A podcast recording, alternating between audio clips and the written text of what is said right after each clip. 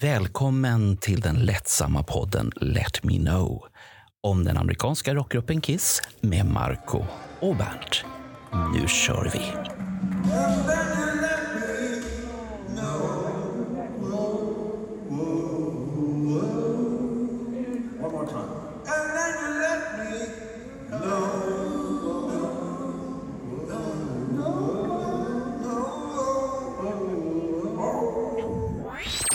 Välkomna till... Ja, vad är det ni är välkomna till? Jo, ni är välkomna till Let Me Know. Podden som har ett lättsamt samtal om lättsamma kiss, kisserier, skulle man kunna säga. Eh, och vi är mitt inne i en Sverigeturné genom åren. Och vi är på året 1988 som är ett av de åren som jag, eh, Bernt, fanns i en garderob fylld med ångest. Marco hade varit och tittat men för att vara riktigt säkra på att vi minns rätt och mycket så har vi idag två, jag vågar säga experter på 1988. Det är Carl Linnaeus och det är Emil Örtenmark. Välkomna pojkar och välkommen Marco också. Ja, ja. Tack, tack. Tackar. Är, är ni var ni experter då? Verkligen inte. 88? Hur gamla var ni? Eh, kanske ett år yngre än Emil, tror jag. Eh, jag. Jag var 11 år, var jag. Just det. Men eh, jag var länge... Eller jag, jag hade nog... Jag klarade nog alla, i stort sett alla frågor kvitt eller dubbelt i alla fall. Så att om, det, om det är nu att räkna som expert, det vet jag inte. Men man har väl lärt sig lite mer sedan dess, kan man väl säga. Alltså, det, det började redan då alltså? Ja, Eh, nej, men alla, alla de frågorna var ju... Eh, hade man läst Shout It Out ett par gånger, den boken, så kunde man svara på alla frågorna. För att det var det som... Jag tror det var Anders Tengner som hade skrivit alla de frågorna och han hade använt det liksom som någon sorts eh, eh, mall, man ska säga. Så att, ja, så var det. Får, får jag bara fråga, umgicks du med Alex Bergdahl redan? Nej, nej, han, nej, det kom slutet på... Nej, början på 89 någonstans. Att han satte in en kontaktannons i OK, Popswap.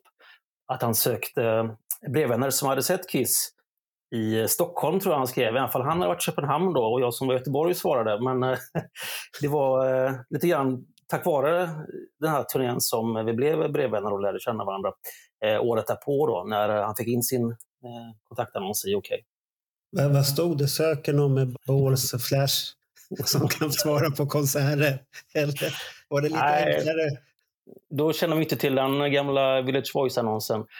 Eh, Den annonsen tryckte vi faktiskt i första Partners in Crime, den kontaktannonsen han satte in. Så att eh, den hugare kan ju eh, bläddra i den boken eh, och eh, läsa exakt. Men man får kolla på skaffa boken helt enkelt. Ja, exakt. Det tycker Om jag. man hittar den. Den- finns som e-bok att få tag på, så att det är bara in och klicka på det där intranätet så löser man det. Hur stor var upplagan på första boken? S- eh, Lika stor som de andra tre. Utmärkt svarat Carl. Utmärkt. Okej. Men den var bra, upplagan? Ja, den var helt okej. Vi behöver inte skämmas eh, för oss. Men eh, print media är ju inte som den var för tio år sedan när den osmickrade sanningen kom ut. Eh, Det, det är ju så liksom. Så att, om, jag säger, om jag ser en siffra, jag kanske har sagt det någon gång, men om jag ser en siffra så kommer folk kanske...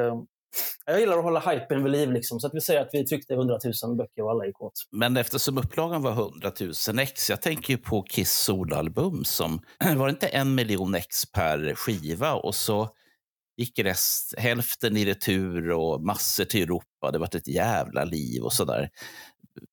Hur har det gått för er? Jag menar, eh, har ni fått 50 000 ex tillbaka nu som ni ligger och sover på på nätterna? Eller, eller har ni stämt för Gain och sagt att det här, det här går vi inte med på? Ja, gör det. Carl. Stäm grejen. Ja. det är så vi jobbar. The six million dollar solution uh, försöker vi få till här. Eh, nej, nej, utan nej, men vad man gör är att man märker liksom när folk eh, inte vill eh, hugga på, på eh, fullpris längre. Liksom, och då, då kör man de sista på, till mid-price. Så, för man vill ju liksom inte sitta på ett lager eftersom Gain har ju inget eget lager och vi har inget eh, det är ju inte som förlagssystem som har så här jättestort eh, eh, warehouse i eh, Norrland någonstans. Utan vi, måste ju bli av med produkten eh, så att den inte tar Mm. plats. Liksom. Så att, eh, målet är ju alltid att sälja alla till fullpris. Så att, eh, det siktar vi på den här gången kan man väl säga. Vi får se. Ja, men det, det låter bra. Det, för man ska stötta. Jag har bokat den senaste redan. Ja, Det gjorde, det, gjorde, det gjorde jag första dagen. Det, det var ingenting att diskutera. Men, eh, Man ska stötta. men, men nu de här eh, cut-outsen, för det måste ju vara cut-outs. Det måste ju vara någon som sitter uppe i Norrland och borrar i de här böckerna så att man liksom vet att det här är billighetsupplagan jämfört med dyrupplagan, eller hur? Jag, trodde du hade lämnat det där redan, för du får inte ut någonting mer utav Karl. Har du inte märkt? Han är ju... Ja, nej, men det är så-. Ja, precis. Ja, men- men, eh, ja. vi, vi, vi, kan, vi, kan, vi kan väl kalla, om man förbokar så får man ju eh, bonusposten till då, som den här gången eh, till då Time Traveler som boken heter, så får man ju med den sista pusselbiten som då är Peter Criss från samma konsert som tidigare. Och det kan vi då kalla för första upplagan och det får man ju bara om man förbokar eh, Mm. till fullpris då. Och så får man ju det här fina kortet som jag och Alex eh, ska signera på, på tu man hand. Så att eh, det kan vi kalla för första upplagan, absolut. Så, så det kommer då en, en bok med Winnie-poster och Mark St. John och Bruce Kulick och Erik Carr. Ja, det blir ju bara fyra soloalbum. Så att, ja, precis. Men eh, kommer, du, kommer du inte ihåg, Marco, vad, vad Karls skrivarpartner sa? Eh, det kommer ju Han komma... sa inga fler böcker, säg ingenting till Karl. Nej, men det betyder att det kan bli fem böcker till om man ska räkna i Bord och inga visor-resonemanget. För du kommer ju... Du... Säg inte det till Karl. För det här är sista boken. Karl, det där hörde inte du va? Bra. Ja, men det där sa du sist vi träffades också. Precis, och nu står vi här igen. Ja. Och jag säger det igen. så, Det är inte fler. så nu ses vi om ett år så säger du att det kommer inga fler böcker. Karl, lyssna inte på det här. Ja, just det. Förlåt. Sen, kli- Eh, och sen klippte du bort den, din, din fegis, när han, vi mobbade dig att du inte kunde någonting om Kiss, för det var det viktigaste i det hela. Du kunde ju fan ingenting om Kiss. Nej, som vanligt. det var ju tur att du var i Västerås och lärde dig lite om Ja, ja, i alla fall. Ja, ja. Men, men det, här, det här året, det kan inte jag. För då Nej. satt jag i min ångestgarderob. Men som jag sa inledningsvis, det är därför vi har Karl Linnaeus och Emil Örtenmark. Ja. Och kan de få berätta om hur, hur det var nu när de var ja, men 11 Emil har inte fått säga hur gammal han var ännu. Jag var 14 1988. Oj, där var eh, erfarenhet. Mm. Det Var det- var det verkligen inte, för det var ändå min första konsert. Det var det? Ja, jag skulle egentligen sett Mötley Crüe tidigare det året, men Nicky Six hade ju den, den dåliga stilen att dra en överdos där i London i slutet på 86. Eller 87 menar jag. Ja, det, det var ju dumt. Mm. Det var ju väldigt dumt det. Så att då var det ingenting. Så det, det var din första konsert. Var det också din första konsert, Karl? Eller? Första sån, så att säga, hårdrocksarena-konsert. Jag har sett några spelningar på Liseberg tidigare. Jag tror att Paul Rain var min första på Liseberg.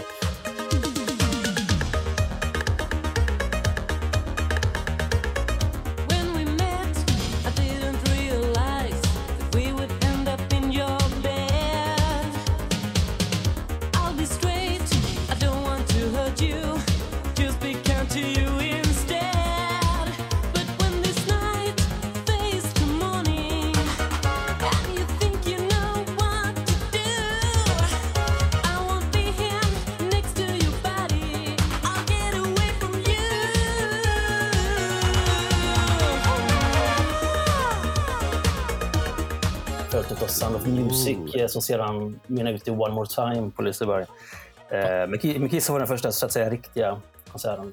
Har, har, du- grävt i de pölarna också? men, Det var det eh, värsta. Nu vart jag chockad. Nu är jag stum här nästan. Att Ja, du har nej, men- grävt i... Ja, men då var man ju liksom nio, tio år och då gick man väl på den Ja, men då är man ju underhållningen hård redan. Då är man, har man ju valt väg redan. Min eh, syster var, hon, hon var lite äldre, hon hade, hon hade Sound of Music-plattan. Men Paul Rain vet fan hur vi hamnade på.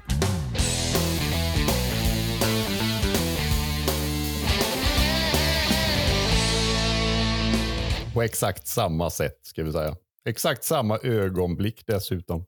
Ja, det är lustigt. I samma affär? Nej, samma tv-program. Ah, Så någonstans där efter halv sju den 10 februari 1985. Nu är det tid för Baggen också med Videotoppen. Programledare som vanligt Kia Berg. Hej! Kan ni fatta? Idag är det 20 söndagen som jag sitter i era tv-apparater och pratar en massa strunt. Och ni sitter fortfarande kvar och lyssnar. Fantastiskt att ni orkar.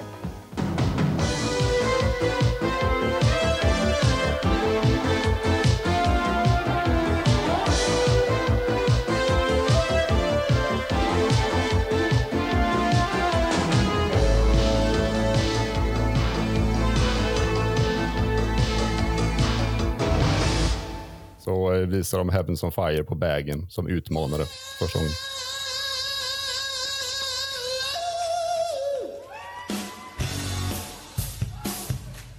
Can you sing that? Can you do that? All right, I'm gonna count to three. Don't be shy. One, two, three.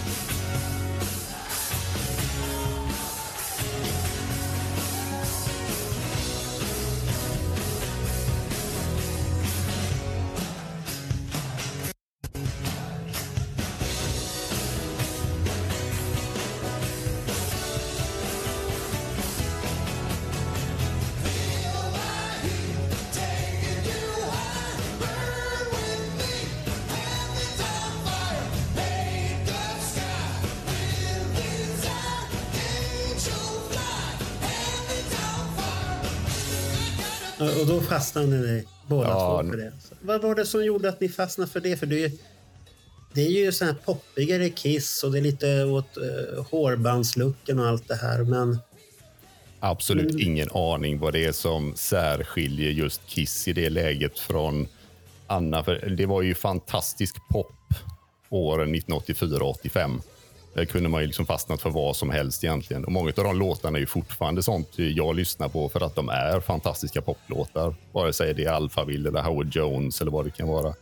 Men eh, vägen hade visat andra hårdrocksvideos innan på hösten 1984 som Twisted Sister och Deep Purple och Helix med We Rock.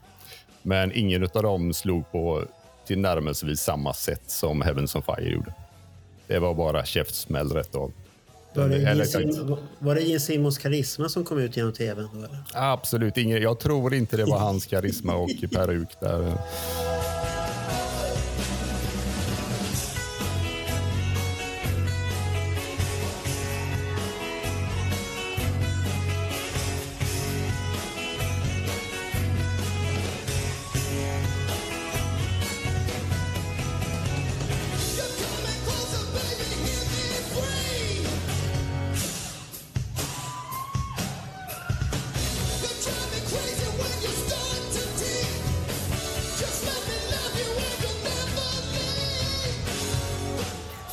Tycker att men låten är ju liksom barnsligt enkel, som en barnramsa. Eh, den, liksom, den har den här primitiva, eh, jag säga, den här primal eh, liksom wow-wow-kören. Sådär. Eh, eller vad man nu ska kalla det för. Men så att den, liksom, den var väldigt lätt att ta till sig för en... Eh, vad var jag då? Jag, jag, var, jag var sju, var jag, sju och ett halvt. Så den är väldigt lätt att ta till sig. Eh, den går in i reptilhjärnan eh, eftersom man inte liksom, kanske lyssnar på Rush när man är sju och ett halvt. Så lyssnar på Hems on Fire istället. Så jag tyckte att det där var ju kanon. Eh, och så var det en massa söta tjejer med i videon som eh, Rick låg och pussade på. Och det tyckte jag, fan det där är ju fräckt. Det jag vill också göra med mitt liv. Alltså, så jag, jag måste, jag måste ha liksom känt igen Kiss från någon sån här... Jag måste sett dem i Okej, liksom, för att Okej var överallt redan då. Och så, just det, men det var de som hade smink. Eh, fan vad coolt liksom. Och sedan såg jag då Alive It Loud-videon och insåg att fan det här är ju tufft på riktigt. Och här sitter man då, eh, 40, 40 år senare och eh, pratar om det här. Liksom. Så det satte ju sina spår, gjorde det ju. Sen är det väl som så här, Mark, att vi är väl de enda som varit och grävt i alla kända och, okända Kiss-profilers barndom. Det där har ingen gjort förut. Nej, inte riktigt. Så det, det kommer fram det ena och det andra. Men finns det några överraskningar? Nå- Någonting, vilka var er första skiva eller var det någonting annat som ni införskaffade med Kiss först? Eh, Jag, jag hade en klasskamrat som fick Animalize av sin morsa. Och jag spelade av den så jag hade den på kassett. Och jag tror att eh, Animalize eh, satte nog liksom, kan man säga, den gjorde större avtryck än eh, vad den egentligen borde göra med tanke på hur bra den är. Men tack vare att första låten där är så fruktansvärt jävla bra.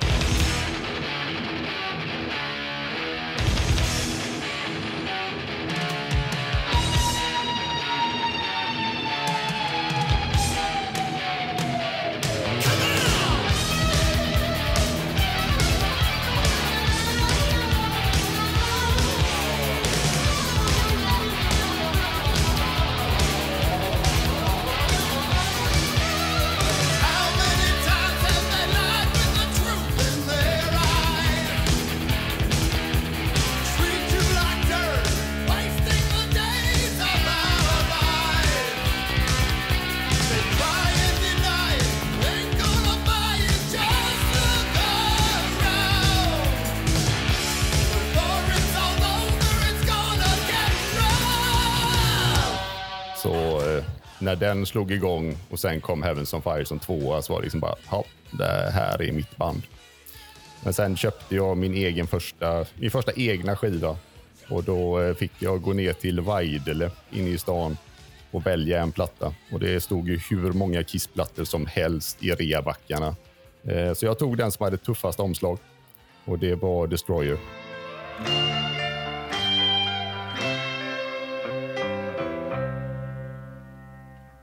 You're sitting in your seat, and then you stand and clutch your breast. Our music drives you wild along with the rest. You watch me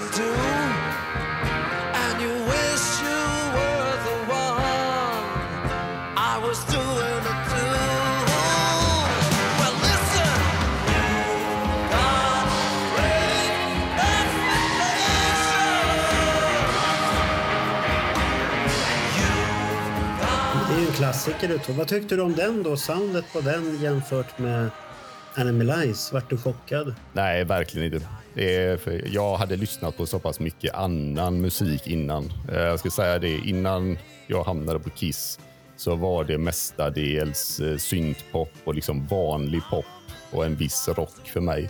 Jag hade äldre kompis som hade tvingat mig att lyssna på Kraftwerk och såna här grejer. Så det var ingenting som de kunde göra musikaliskt eller ljudmässigt som egentligen kunde överraska mig fast när jag var tio och ett halvt. Det fanns där alltihopa.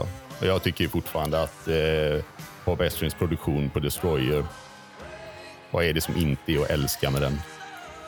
Ja, den är ju pompös och bombastisk och alltihopa. Det är en, det är en riktig sån superhjälteskiva tycker jag. Den speglar omslaget jävligt bra. Eller omslaget spelar musiken. Sen är det ju så också att den är ju verkligen, om man ska välja en skiva för att liksom få med sig hela Kiss-upplevelsen, allting de har gjort efter det också, så får man ju det där. Du får Great Expectations som är liksom lite halvsymfoniskt som lika gärna skulle kunna varit på The Elder. Och du får alla de riktigt bra slå dig i ansiktet-låtarna också. Hur, var det med Carl? Vilken var första skivan där? Egenköpta? Eh, alla mina skivor har varit egenköpta. Jag har aldrig fått något gratis här i livet, jag är inte bitter för det. Eh, min första singel var 84. Kom den. Jag, just det, jag hade hört One Night in Bangkok på radio och tyckte att det där var en riktigt fräs låt. Så att den gick in och köpte på singel eh, på Åhléns i Alingsås, eh, där vi bodde då. Eh, och tyckte nej men det här är inte rätt, för att då var det med det här... Eh, vad ska man kalla det för? Orkesterintrot. Och det brukar de inte köra på radion, så när det här är fel så är det inget. Sen så kommer ju den här Rappiter-rappar-låten eh, igång. Liksom. Jag tycker fortfarande att discodunk är jätte- Jag tycker fortfarande den är skön. Bangkok, Oriental setting, and the city don't know what the city is kept. The creme de la creme of the chess world in a show with everything but Yul Brynner. Time flies, doesn't seem a minute since the Tyrolean spa had the chess bars in it. All change, don't you know that when you play at this level, there's no ordinary venue? It's Iceland, or the Philippines, or Hastings, or, or this place. One night in Bangkok in the world's blockbuster. The bars are temples, but the pulse ain't free. Min första LP var ju då Animalize. Eh, och som jag vill minnas då... Så vi måste lyssna, att jag och min granne måste lyssna på eh, eh, I wanna rock och Hems on fire på hans eh, boombox i hans pojkrum hela sommaren där. Tills jag faktiskt eh, tog mig mod om jag säga, att köpa eh, skivan. Då. Och då fanns Asylum ute som jag minns. För att säljaren ville liksom packa på med den senaste Kiss-plattan såklart. Då. Men det här är den senaste. Ja, men det struntar jag i. Jag ska ha den med Hems on Fire på. Så det här måste ju varit då hösten eh, 85 som jag köpte Animal eh, som min första LP. Och jag tyckte den var, den var skön. Liksom. Sen då, när, som sagt, när jag såg Live At Loud-videon och köpte Creatures of the Night då föll poletten ner lite mer för då kände jag att det här är, ju liksom, det här är musik på riktigt. Det är inte bara liksom, eh, eh så här, lite blöjig eh, eh radiorock, om man skulle kalla Heavens Fire för.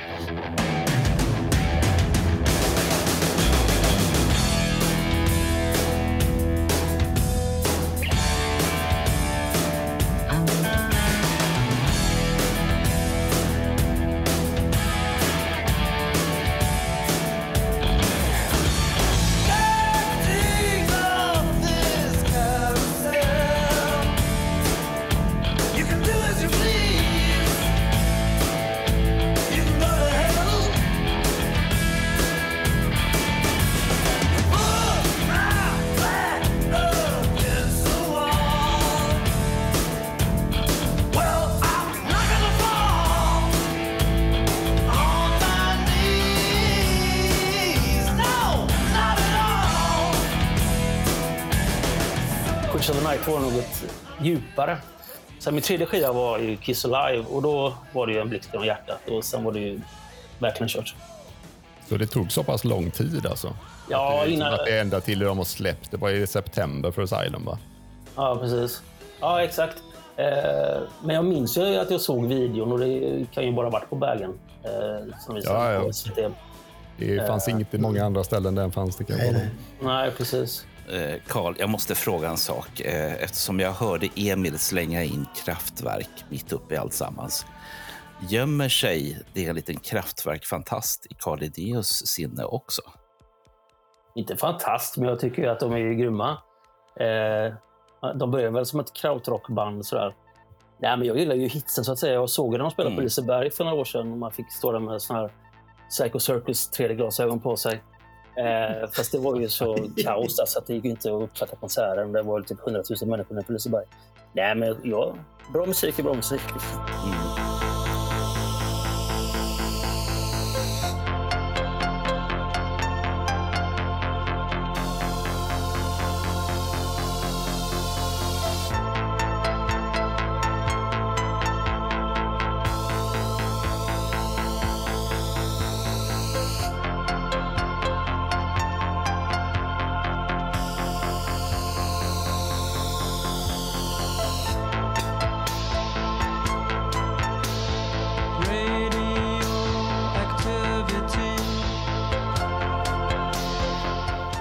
alltså fy, fyra stycken eh, kraftverk. Kanske inte då fantastiskt, men eh, diggare i alla fall.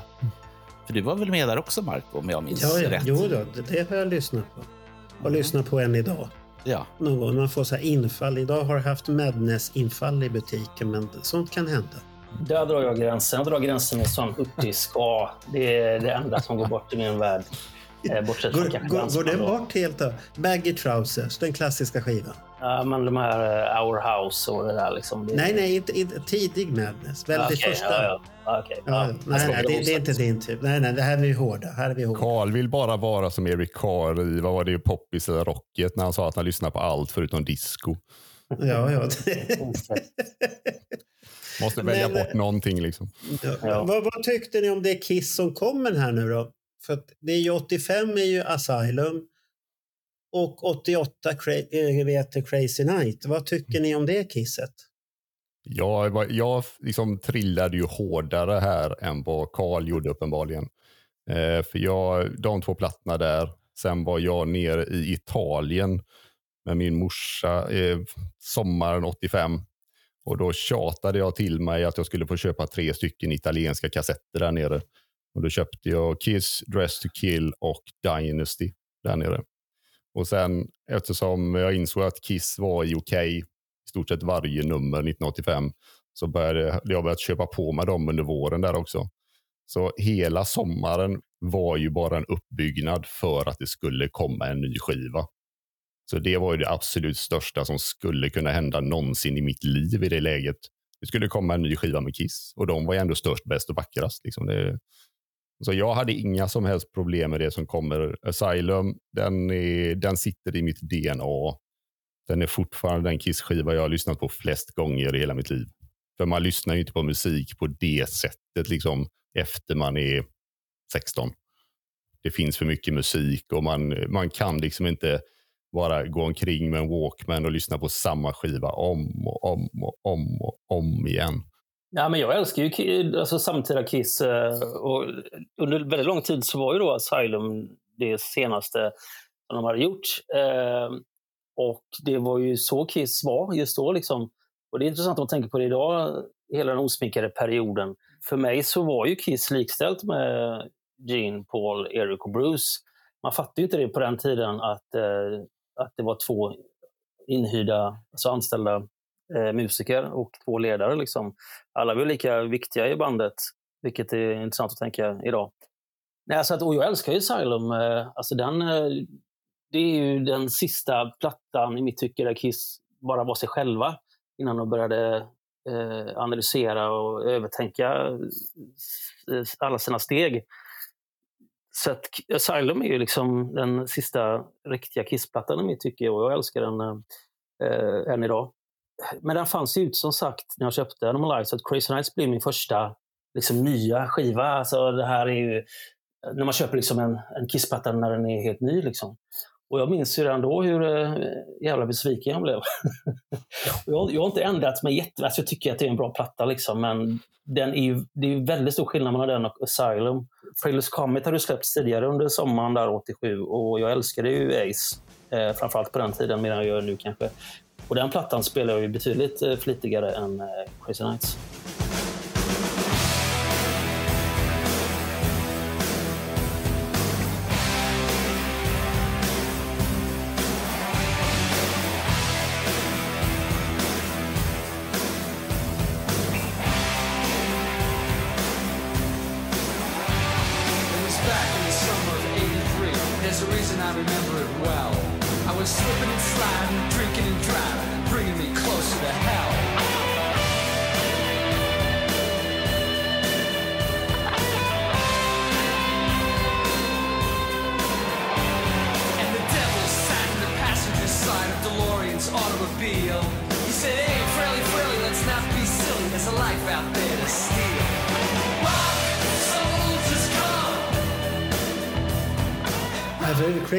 Är, den har ju hits och sånt här. Har du några favoriter på den skivan?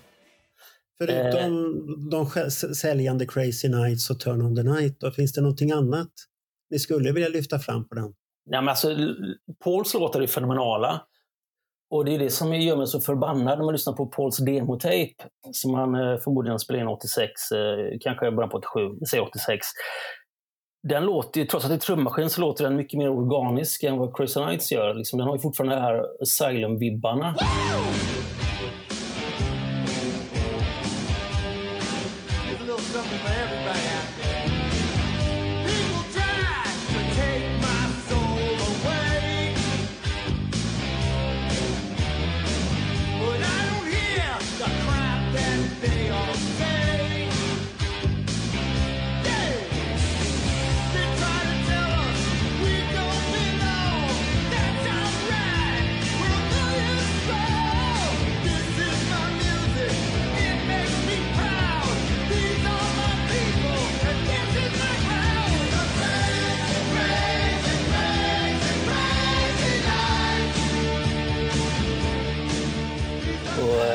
Där hör man ju liksom hur bra det hade kunnat bli om inte Ron Everson hade kommit in med sina klåpiga fingrar och eh, gjort en Ultimate Sin-steril produktion av det hela.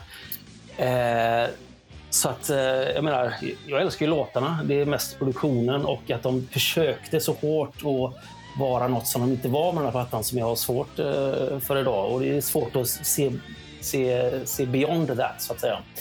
Eh, så där har du mina, min uppfattning om Crazy Nights. Jag tycker det är en bra platta. Det är långt ifrån deras bästa. Men jag, jag tycker den är för ojämn egentligen. I ett, i tot, i som helhetsintrycket blir lite för ojämnt. Jag har inga problem med produktionen, för detta är 1987. Eh, det är ganska mycket som låter ungefär så här ändå. Jag tror inte heller att de eh, att det ligger dem i fatet rent kommersiellt, att de låter på det viset eller någonting. Jag tycker att det finns fantastiska låtar där som borde blivit större hits än vad de var. För det, om vi är riktigt ärliga här så är det ju inga, det är inga direkta hits från den här. Det är Crazy Nights i England, men eh, i övrigt ingen av de andra låtarna kom någon vart. Och jag tycker att Turn on the Night borde gått bättre än den gjorde. Alltså. Ja, det ju, det- om det är en pop förvånande. som heter duga.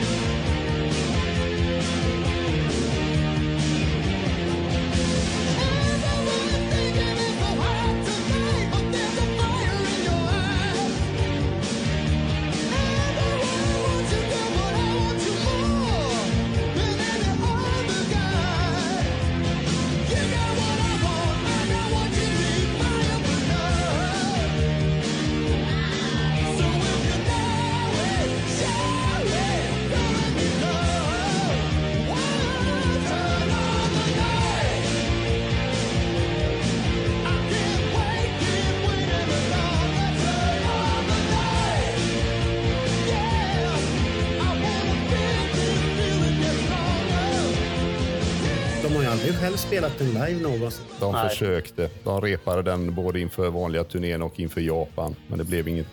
Var den för svår då eller? Jag tror att den är för hög. Att han inte kan sjunga Mm. det live Paul. För lyssnar du på skivan så är han ansträngd redan på skivan. Och det är ju, studion är en oerhört kontrollerad plats jämfört med eh, när han väl kommer på scen och ska göra det där. Ja, det är synd för den här publiken går ju igång när Bruce har spelat den. Då går ju publiken alltid igång på den låten. De är Då älskar vi ju på den det. perioden.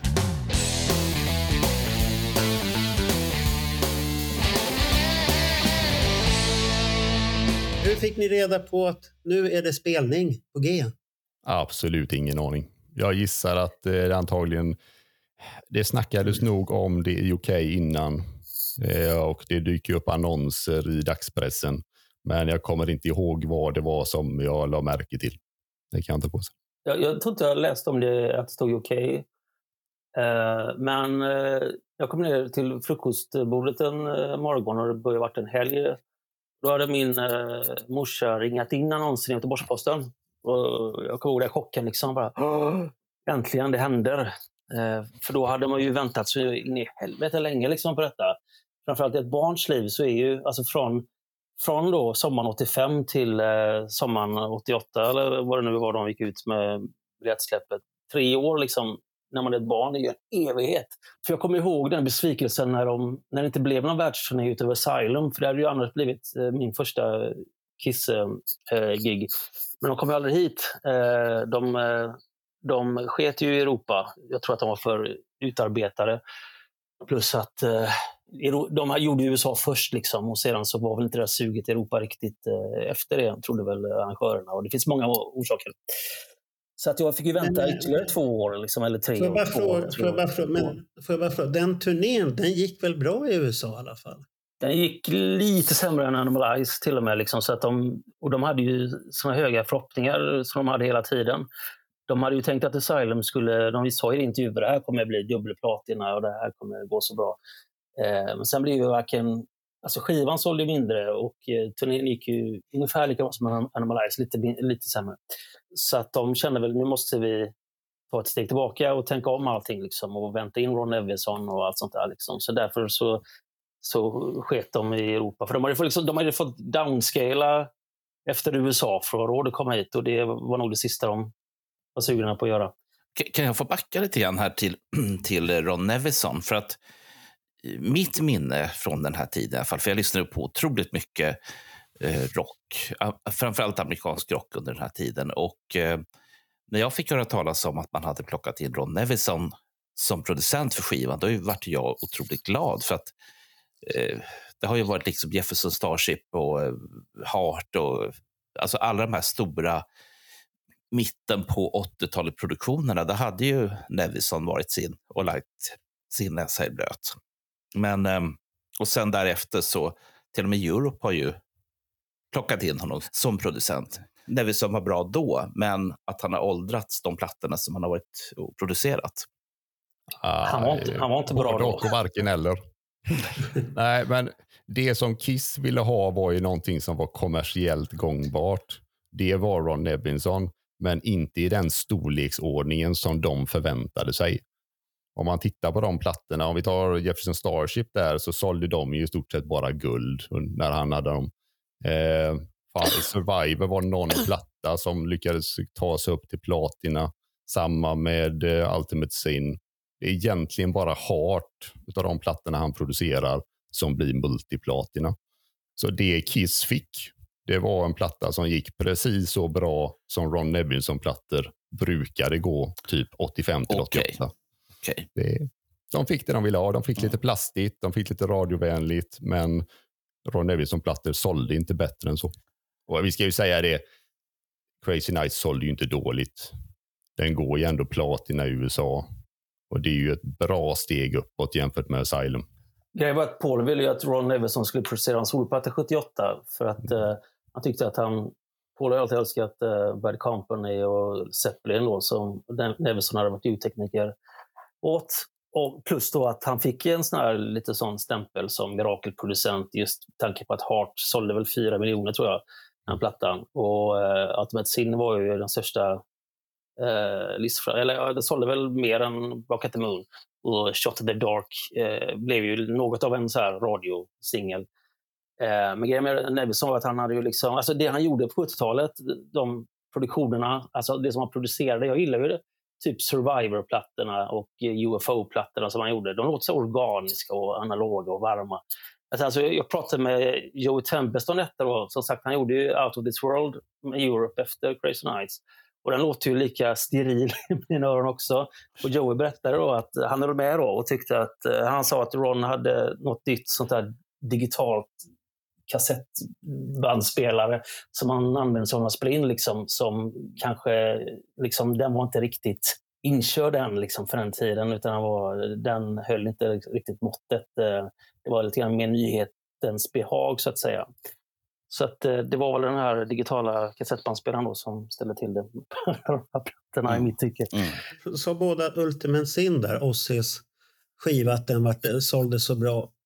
Men den var ju inte så jävla bra i, helt igenom tyckte jag i alla fall. Men det Nej, spelar ingen roll. Om du ska sälja mycket så behöver du en singel som säljer mycket för Ja, att men- dra det med sig skivan. Ja. Och den gick ju på MTV stup i kvarten den där jäkeln. Ja, det vet jag ingenting, om. Jag hade inte MTV hemma hos mig Jaha, du hade inte- 1986, okej. det kan jag tala om. Det, Det- hade det- nog det- inte ni heller. Nej, men det kom ju på de här äh, engelska kanalerna. Mm. De spelade ju väldigt mycket den här äh, Shot in the Dark-låten. Japp. Den gick väldigt mycket på de där. För vi, min tjej då, Karina, hon hade ju de här engelska kanalerna, Super Channel och sen var det någon Music Box eller vad fan. De var ju sådana Så- kopior på MTV eller något sånt. Och där gick den ju stup i kvarten. Men det var ju inga andra låtar som kom från den sen vad jag kommer ihåg. För jag Nej. var ju väldigt besviken när jag köpte den skivan och tyckte att den var ju inte världens bästa. Inte om man jämför med The Moon och de tidigare Ozzy som var mycket, mycket grymmare.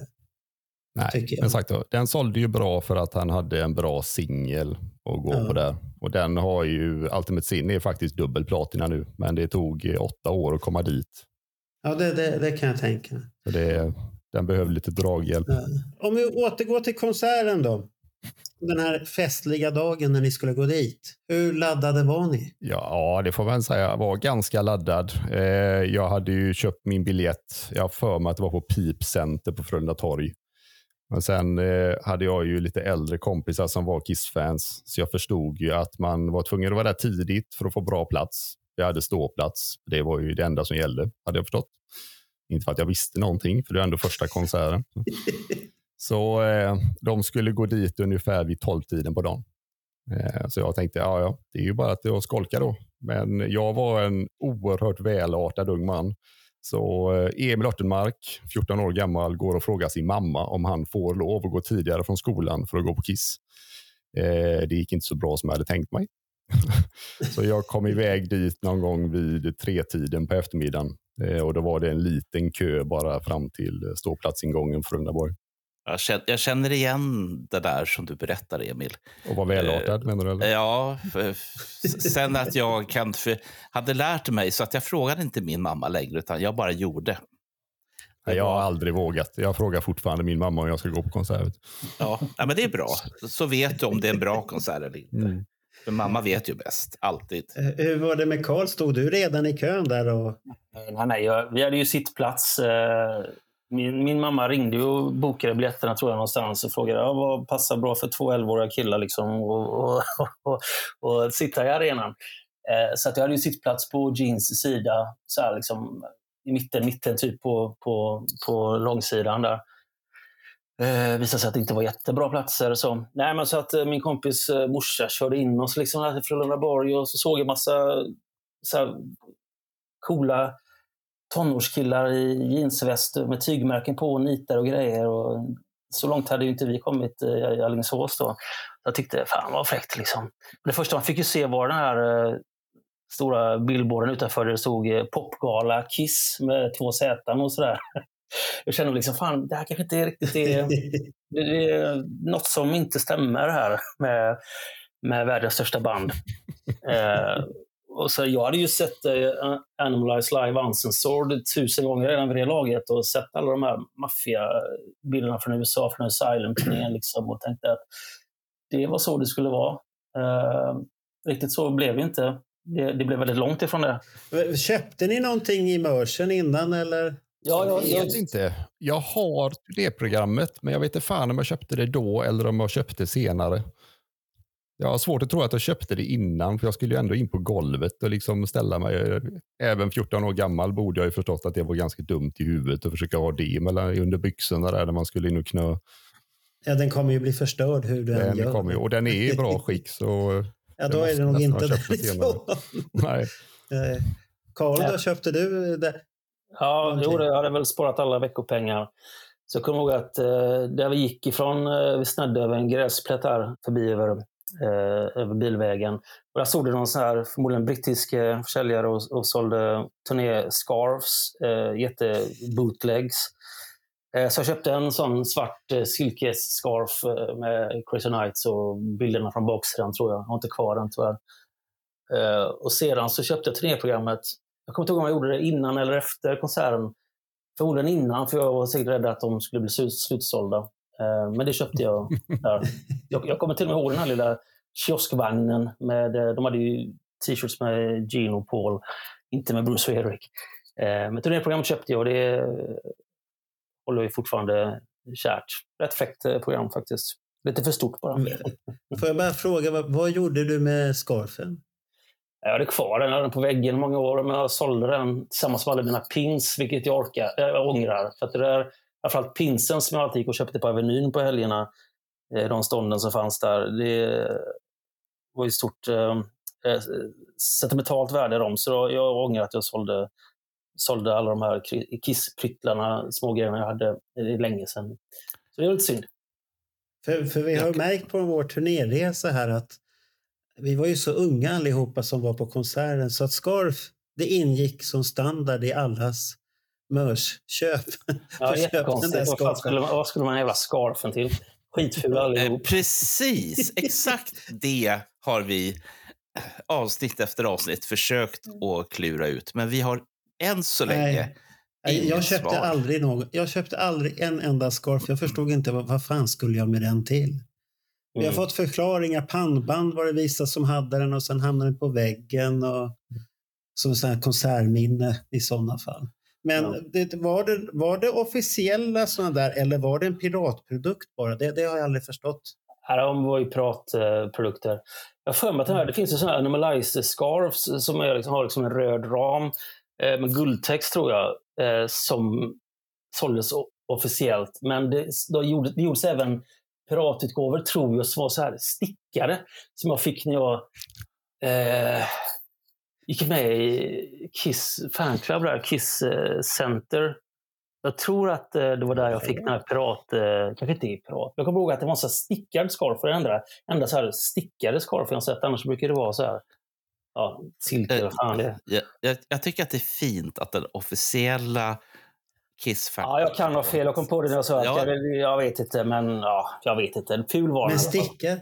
Vad fan skulle det, vem har stickat den? Då var det handstickad eller apparat? Nej, det, det kan inte ha varit. Jag kanske har drömt. Jag kanske har drömt allt. Det är ju det här med minnen idag, liksom, att man ska inte lita på sina minnen. Men jag vill minnas att Nej. den var stickad. Den, den, den jag, jag, har inte kvar, jag, jag har inte kvar den. Har du inte den på väggen längre? Nej. Eller ge, ge till barnet så här, den här ska du ha på dagis eller för skolan när du får vintern. Det enda jag har på väggen eh, hemmet är Ken Kellys originalmålning till eh, min andra bok, Solid besked till hårdrocken. Eh, och, och det räcker Ja. på något vis, om jag får lov att skryta.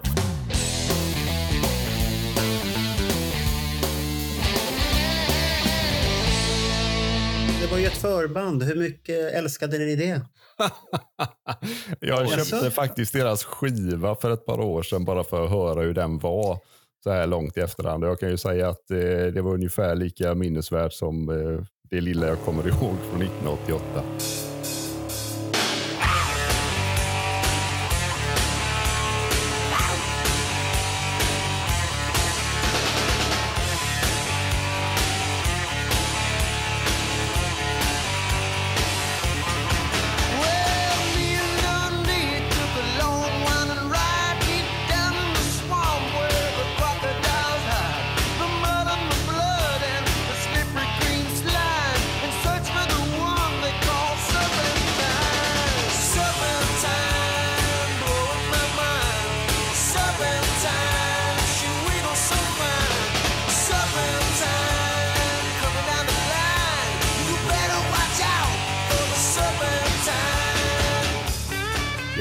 Absolut ingenting av Kings of the Sun. Det enda jag minns är att jag i, i min enfald brottades lite på golvet där för att få en bra plats inför Kiss. Eh, problemet var att det var ingen annan jävel som brydde sig om Kings of the Sun, så det gick ju bra för mig medan de spelade. Eh, sen gick det lite sämre. Det enda jag minns var ju att jag... Var, var, var att mellan två låtar om Kicks of the Sun så var det en ganska stor grupp människor längst bak på parkett som började skrika “We want kiss, we want kiss” eh, mellan låtarna. Och jag kommer ihåg att sångaren sa eh, “Hold out guys, eh, we got just one more song, we promise, eh, just one more song” och sånt där. Men det, det är det enda jag kommer ihåg. Och ändå var det ett, ett kärt band till er och ni la inte ner någon tid på det. där. Ja, precis. Episodiska minnen ska ju ha liksom en känslokomponent och känslokomponenten för Kings of the Sun den saknas ju helt och hållet. Jag, jag, kan, jag kan säga så här, jag som inte såg konserten men däremot var nyfiken på förbandet. Jag tyckte det var ett häftigt namn så jag köpte albumet, jag lyssnade på det.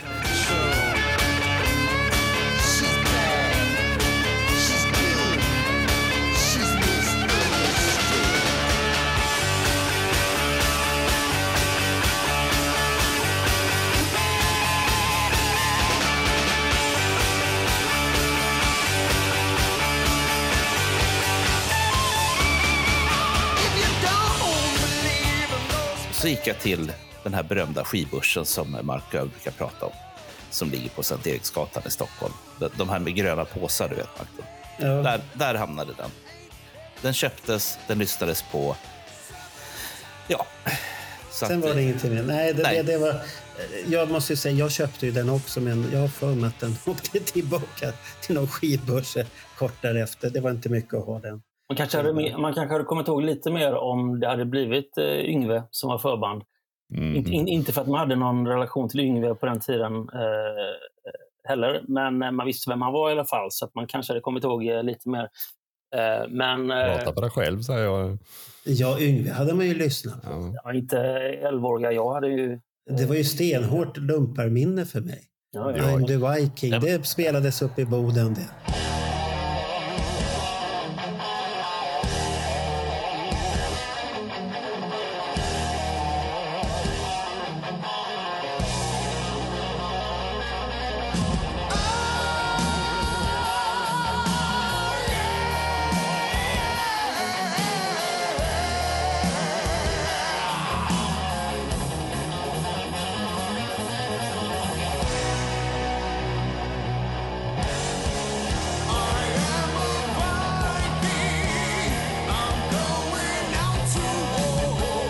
Men, men det, det, gör det, här, det gör det här som är så intressant med de här få åren som är mellan eh, vissa av herrarna. Att de kan betyda så jäkla mycket när det gäller minnen, eh, sin älsklingsmusik eller älsklingsplattor överhuvudtaget.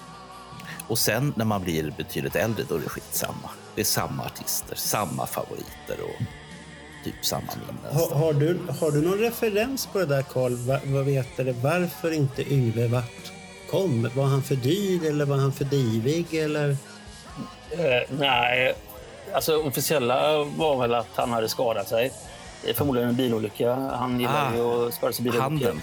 Men sen så vet jag att hans dåvarande fru, eller om ja, de var väl gifta, och- eller det kanske inte var, men Erika där sa att eh, det, hon visste den egentliga orsaken och vi skulle, hon skulle berätta det någon gång. Skrev hon på Instagram.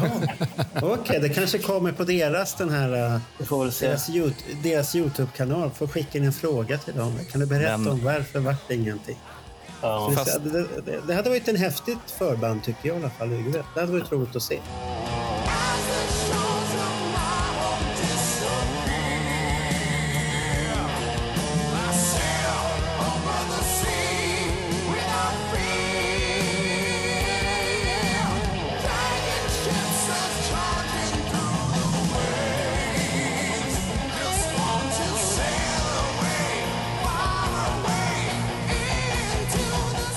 Du får ha det som förbehåll, Karl. Ja, jag är med ifall ni berättar det, eller ifall du berättar det här.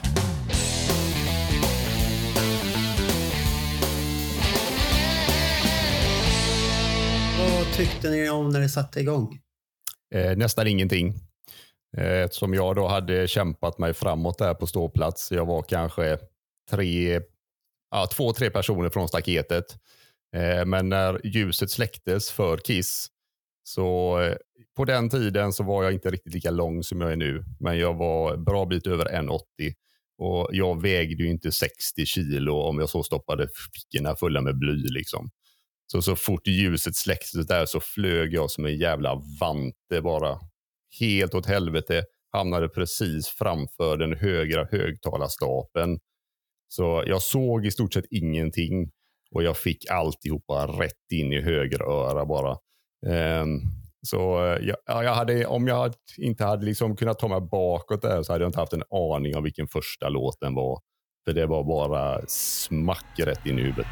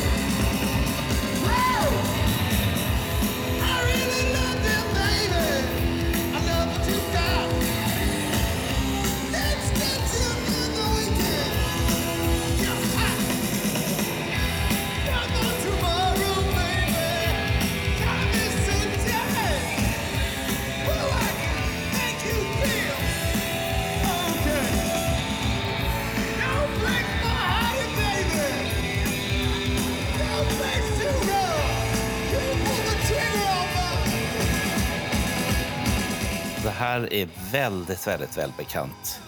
Precis den här upplevelsen, Gröna Lund 1976. Jag känner igen vartenda ord som du pratar om. Ja, frånsett eh, högtalarstapeln. Men jag hade istället folk som var gigantiska som jag hamnade eh, bakom. Så att, eh, mm, ja, eh, jag lider med dig, Emil. Jag hade behövt en muskel eller två till där, men de har inte kommit än, så jag tror inte de kommer nu heller. Ja, det var väl mer röj på den tiden på eh, de här konserterna. Eller mer tryck eller mer galen, galenskap. Eh, kanske. Alltså, På, stå, är det på, ju... stå, på ståplats var det det, garanterat. På alla där. Ja, men det är som man ser den här eh, Super 8-videon som eh, Alex dammar av från Johanneshov 84. Då ser man liksom publiken där. Det är ju helt jävla galet. Eh, ett sånt tryck liksom. ser livsfarligt ut. Ja, men vi, vi vet ju varför. sig. Ja. Ja, men de har ju släppt in Johan Falk där. Du har ju sett på bilder hur han betedde sig där. Det är bara för att de tryckte upp honom mot staketet där. Han ville Nej, bara komma det- undan. Nej, han ser ju helt vild ut där. Bara skriker efter Paul där. Uff. Vi blir ju nervös här om vi ska göra en Kiss 2-bok här nu. Kiss i Sverige bok 2. Där blir läskigt om han beter sig sådär. Mm. Så Sätt, sätt, eh, sätt den bilden på omslaget. Det men, blir men, någonting. men jag kan ju hålla med både 80, 83, 84, 88. Det var jävla mycket tryck på där på ståplats. Att det, var, det var jobbigt att stå om man skulle stå längst fram.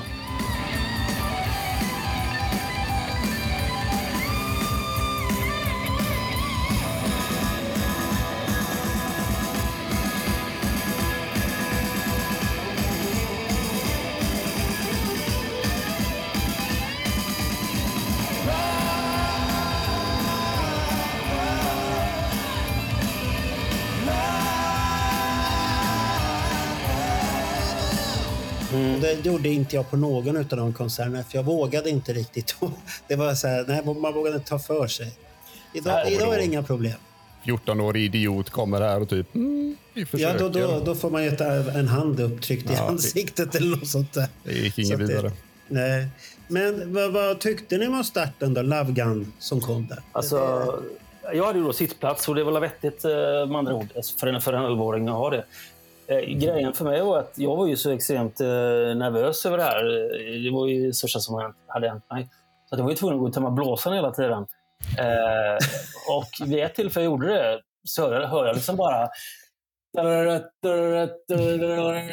Helvete, inte nu liksom. Så jag fick ju springa in. Så jag missade ju första minuten av Love Gun. Och sådär. Jag tror inte att man hade ingen aning om setlister på den tiden. Jag hade ingen aning om att de skulle öppna med den till exempel. Och sådär.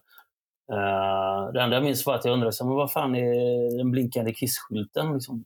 Eh, det var nog mitt första intryck. Ja, för det var ju väldigt ba- ren scen. Kan man säga. Det var det ju. Så att det, det var ju ingenting häftigt. Och vi vill återigen påminna att det är inte 84-scenen som användes 88. För det har vi fått baxning utav eh, Kiss Army Sweden-ordförande som sa ajabaja. Och det finns inget hemligt lager i Tyskland, men Bernt ska studera upp det där hemliga lagret. Men vi går inte in på mer, men Bernt ska ta Det, reda på det. det finns någon i vår bekantskapskrets som har hävdat det här. Och det är Ja, felet det är en dålig källa. Inte mer. Ehm, det finns vissa som skriver i början på sina böcker någonting i stil med att det här är vår uppfattning om hur det var och hur det hände. Och jag, jag hänvisar gärna till den texten. Ja, nej, det där, så scengolvet var bara ett jävla scengolv och högtalarna vill jag tro var exakt samma som de har använt under sista läggen av Asylum-turnén. Ja, Eh, alldeles rätt. ja. Så att det var det de hade, med, hade råd att ta med sig inför, inför um, Monsters of Rock-spelningarna. Och det var tack vare Monsters of Rock-festivalturnén som de ens hade råd att göra en regelrätt arenaturné efter det. Liksom.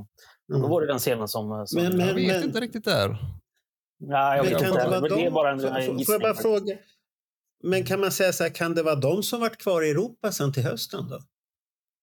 Som Bernt, Bernt letar efter det här tyska förrådet. Som, är det Asylum-högtalarna som var i Tyskland? Efter, Och sen- efter, De, efter uh, Chris Mon- menar du? Ja, efter Monsters of Rock-turnén där. Ja, men det är så pass snabbt inpå. De hinner ju inte åka tillbaka igen innan de liksom går ut i stort sett. Ja, Men vad spelar de de sista? Det är 28 augusti eller något sånt där. Eller 1 september till och med va? Den sista eh, Monsters of Rock-spelningen. men, Senare, men, men, men då är det nog de som är kvar i Europa då? Ja, det måste det vara eftersom eh, Ja. det, det första är väl 13 september sen på, i Frankrike va? Eller Jag hänger, inte, riktigt- jag hänger inte riktigt med vad Bernt menar. Menar du att Nej. de stannade kvar i Europa efter eh, sista gigget som var i Belfast. Eh, Jag menar att scenen som då användes blev kvar. För att det, det kostar ju pengar och Kiss var ja. inte direkt stanna vid kassa under den här tiden. Nej, för de har ju aldrig liksom... och eh, då är det att... Ja, Skrota de här. Ja, nej, men det, det kan stämma. Kanske. Revenge tänker jag att det är samma högtalare. Ja, okej. Samma tomma högtalarlådor som är utslängda. Alltså Mm. jag ser Jaha. framför mig att det, det är någon tysk som har köpt upp det där och så sätter han ihop grejerna någon gång per år. Och, Ber- Bernt, säg inte. Då ringer Niklas igen och skäller på mig. Inga mer sådär. Förlåt Nej, här- Niklas, vi ska, vi ska hålla koll på Bernt här. men men det, här, Inga det, här fler är, uttalanden. Det här är min uppfattning, precis som det står i eh, Carl Linnaeus och eh, Alex Bergdahls böcker. Så att, eh, Ja, tackar, men folk tackar. hör inte sånt där. Och det har, det har jag påpekat både till Karl och Alex. Och jag var så tacksam att Alex har i Västerås. Det här är min uppfattning jättehögt. Det var jag jättetacksam för folk har ju, först, har ju använt dem som biblar och man får inte frågasätta dem. Och religion är ju sånt att man får inte frågasätta det som står i en bibel. Fast eh, nu vet ju jag hur det gick till på den här, det här mötet som Ja, ja, ja, men bandet det, det hade. var, nu hoppar vi tillbaka till konserten. Ja, men Eh, jag, Det jag kommer ju en dunderhit här nu som de har kvar i repertoaren. Fits like a glove. Kommer ni ihåg den häftiga? Dunderhitten. alls. Ja. Eh, Det, jo, det, det finns Alltså, ett parti ja. som alla svenskar sjunger med. tanken, att, tanken är väl att alla i hela världen skulle sjunga med den True Butter-grejen. Ja. Eh, men det var länge som gjorde det, tror jag. Äh, se- senast var nog på Gröna Lund på Jeans solo grej Ja. där. Nej, jag fattar inte varför de... Alltså de höll väl liv i den jävla låten för att det var en snabb och enkel upptempo-låt. Liksom, som, eh, och Kiss skulle liksom vara hårdrock på den här tiden. Och den var ju lätt att köra och de har gjort det länge så att den fick hänga med länge.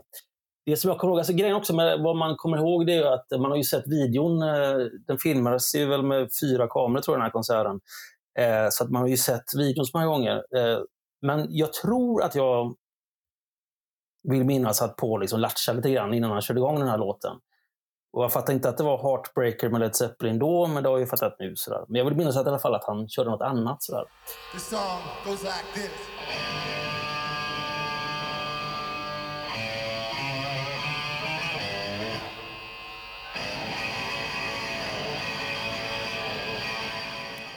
Det är mina minnen av Fits Like a Glove. Men det är ju jättekonstigt att den hängde med så länge som den gjorde. Ja, det, det, det tycker jag är jättekonstig låt överhuvudtaget. Den, den, den, den hade gjort sitt efter första turnén den var med på tycker jag. Jag är inte emot den så, men det finns ju bättre Ja, det låtar. finns ju bättre låtar. Ja. Ärligt talat, som man kunde ta fram. Men, men sen är det ju Heavens on Fire. Det, det gillar ni förstås båda två. För det var ju er favorit. Jag kommer ihåg att det blev, upptäckte ja, det blev ett jävla tryck när den kom igång där, kommer jag ihåg. Och som jag då ville minnas så blev det som tryck när de kör upp de här eldarna från sidan av scenen. Och när jag sa det till Alex så höll han på, på andnöd. Det var inte någon eld på hela den konserten, men det här var helt... Mina minnen var... Jag kommer till och med ihåg känslan av hur varmt det blev efter de här eldarna. Liksom. Men det är sådana det är minnen, man kan inte lita på det. Det, det var det jag började tänka på. Vad fan pratar han om för eld nu? Ja. Det är sånt, så det- jag minns att det var två eldpelare och folk blev Det, galna. det fanns ingen logga, ingen eld. Förutom det som Gene Simmons sprutade. Precis. Det, det fanns ju med, men ingenting annat. Ja, alltså, Det man får ju aldrig lita på sina minnen, det är ju så. Nej, nej, det. Men, Men, det, eh, det fanns ju inga pengar heller under den här turnén till någonting. Nej, det är roligt. Alltså, jag tog med min åttaåriga son på Kiss förra året och eh, det hände grejer hela tiden. Han gillar ju inte Kiss, men han tyckte att det var en skitkul konsert.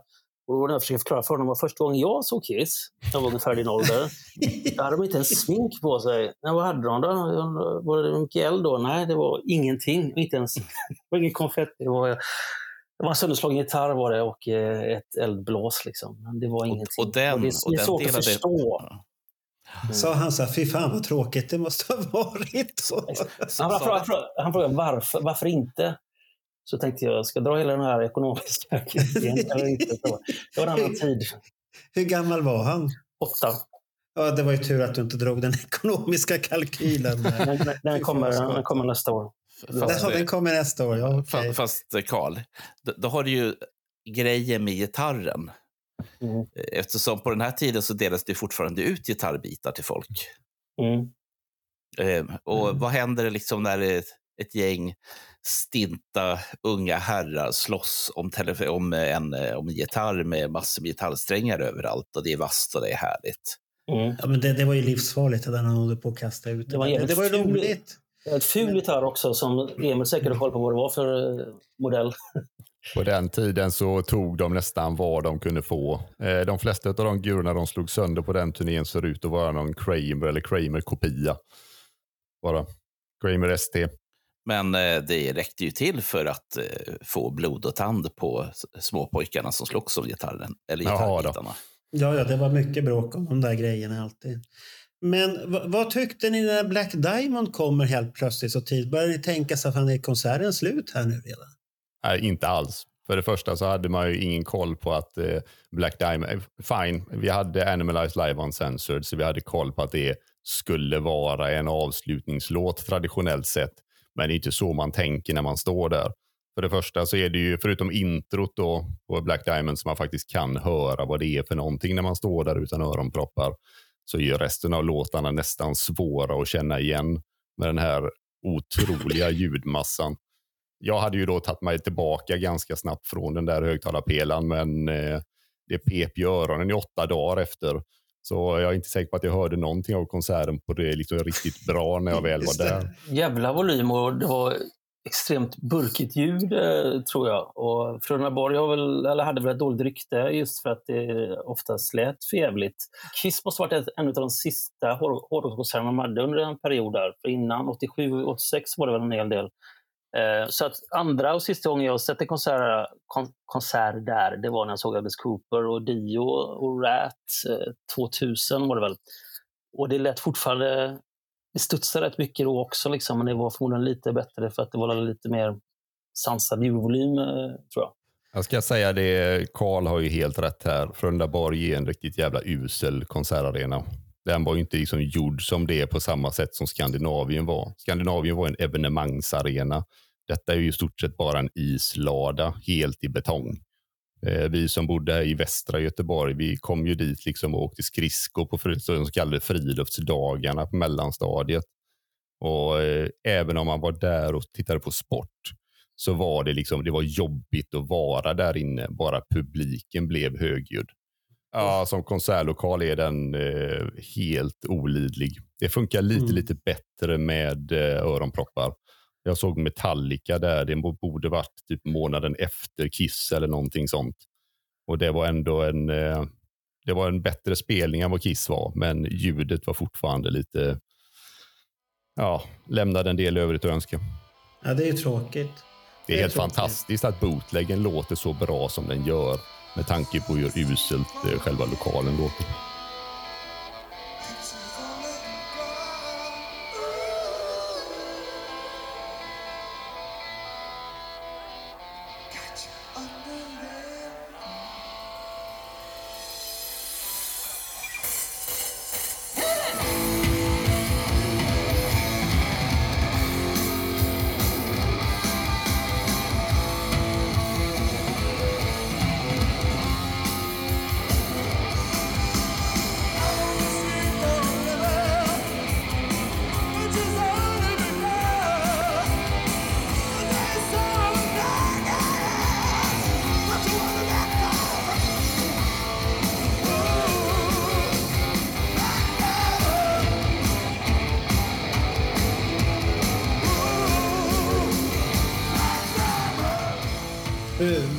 Tyckte ni om de här uh, hittarna Bang Bang You och No No No när de kom?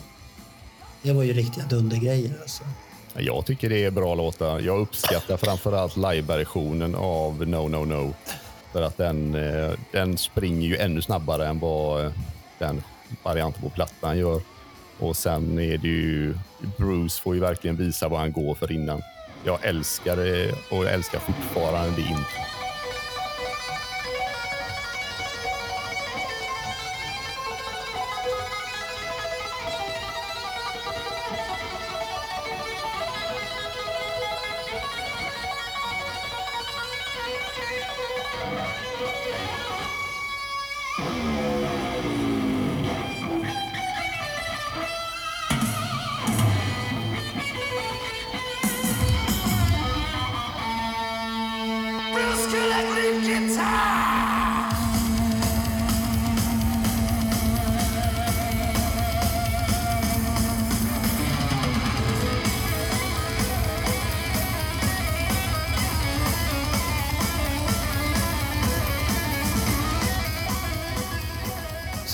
Saknade ni radioaktiva kostymen?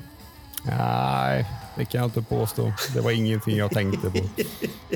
Vi, vi satt och diskuterade i förra podden. Vad var tanken med det där egentligen? Är det någonting ni har hört eller vet om? Nej. Alltså jag vill minnas att Bruce sa att eh, det inte alls var, skulle vara radioaktivitet utan det var Nej, så, så var det ja. att det var så som Am Ampex, eh, heter det väl, den här Ja. rullbanden Rullband. såg ut. Men sen så har han själv börjat kalla det för eh, radioactive suit. Så att jag vet inte om man har glömt det där hela grejen om man bara liksom har gått med på Jaha, att det, att det ska se ut som rullbanden. Där. Ja, men om du kollar på Jaha. Ampex, eh, märket Ampex, deras logotyp eh, på de här rullband, eh, att han såg det under sin inspelning Cruise Night. Så tänkte det där skulle se snyggt ut på en suit. Är, är triangeln delad i den kostymen då? Så att det går ett streck igenom så är det ju ett rullband. Ni, ni, man får googla. Ja, det, får, det, får, det, där, det där var ju spännande. måste jag kolla upp det där och hur det är. Men jag tycker, Det, Jag tror att han gjorde gitarren först, va? Gjorde han inte det? ja, det, Han hade någon röd BC Rich. Han snackade om det på sin hemsida för Okej. några år sedan när det var, om det var 35-årsjubileum. va? okej. Då gick han igenom det att han hade, han hade stencilerat på dem där på en röd BC Rich. Hans tech hade gjort det. Mm. ja. Nej, men det, det, om man tänker på Jean, han hade ju svart läder och såna här Mm. syntetläderbrallor som satt åt som attan. Och Paul hade väl... Vad hade han? Hade han vita byxor och sen med reflexer och en röd topp som han satt och sprättade omkring med, har jag för mig. Ja, han bytte byxor ibland, men toppen var väl samma Ja. och jeansjackan var alltid samma i första låten. Eh, men alltså deras dräkter såg verkligen ut som Hej kom och hjälp mig. Eh, och de såg ut som Hej kom och hjälp mig allihop.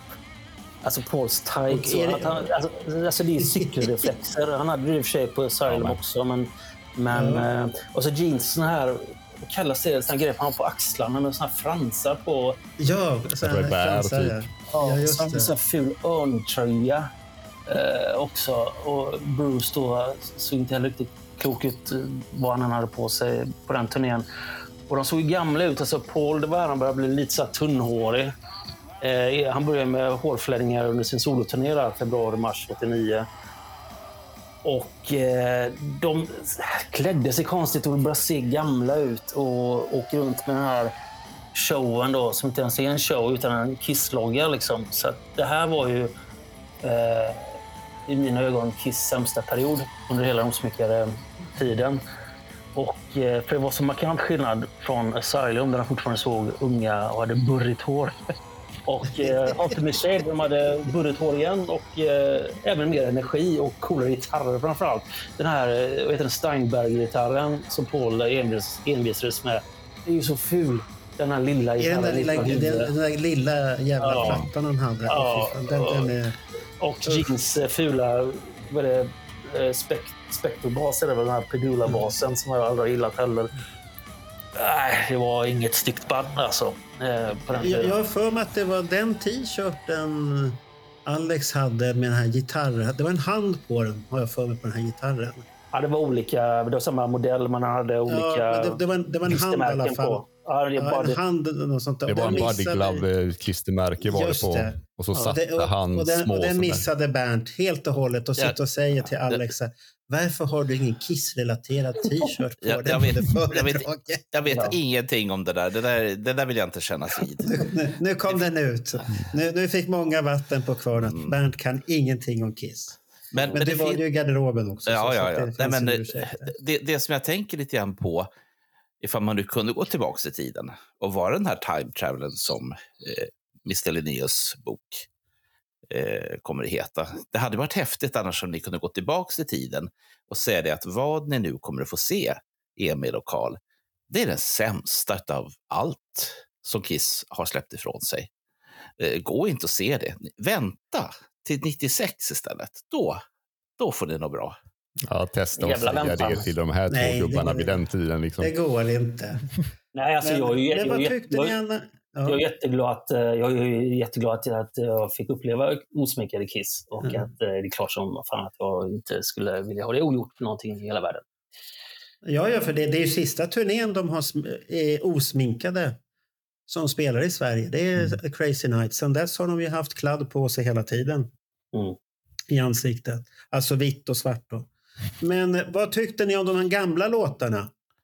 Som hade kommit börjat dyka upp i setlisten och peta bort de här tunga klassikerna från Lick It Up och eh, ja, Animalize och Asylum. De hade fått vika. Det, det är några låtar kvar fortfarande men det hade ju kommit de här klassikerna som I was made for loving you till exempel. Det, jag har inget minne av några specifika låtar från den här konserten, förutom en som väldigt länge var ett falskt minne. Eh, det var ett, efter ett tag, jag tyckte att det här var redan då en tråkig spelning. Jag gick mest liksom och väntade på att den skulle ta slut. Och det är liksom det här, den känslan kommer jag ihåg. För den typen av känsla kommer tillbaka lite då och då när jag är på dåliga konserter nu för tiden. Det är exakt samma känsla. Eh, så jag flyttade lite längre bak på ståplats. Och så kommer det helt plötsligt en låt och då är det två stycken tjejer som står till höger om mig som börjar hoppa upp och ner på ett sätt som jag aldrig hade sett tidigare. Och i mitt huvud så var det Love Gun som spelades då. Men det är ju fullkomligt omöjligt för det var öppningslåten och då stod jag limmad mot en högtalarstapel längst fram. Eh, så jag har kommit fram till att det borde varit Shout It Out Loud.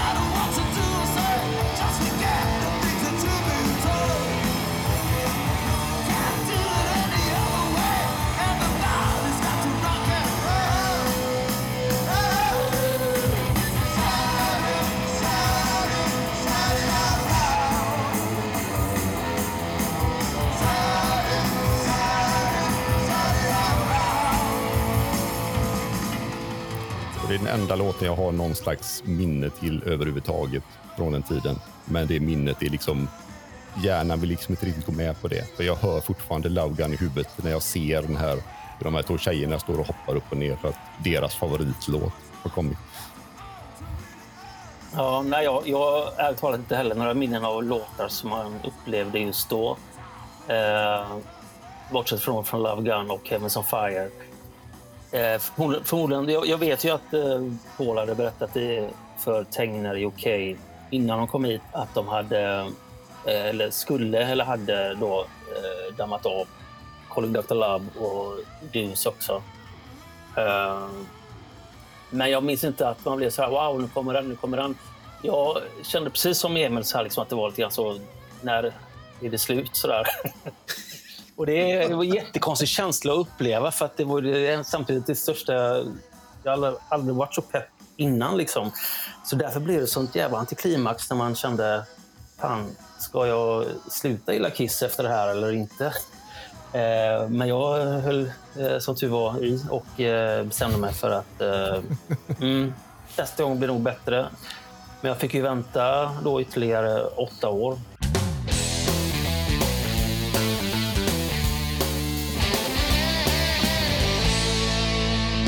Ni vart ju större fans har jag förstått än någonsin efter det här. Eller började ni vackla för att konserten var så dålig?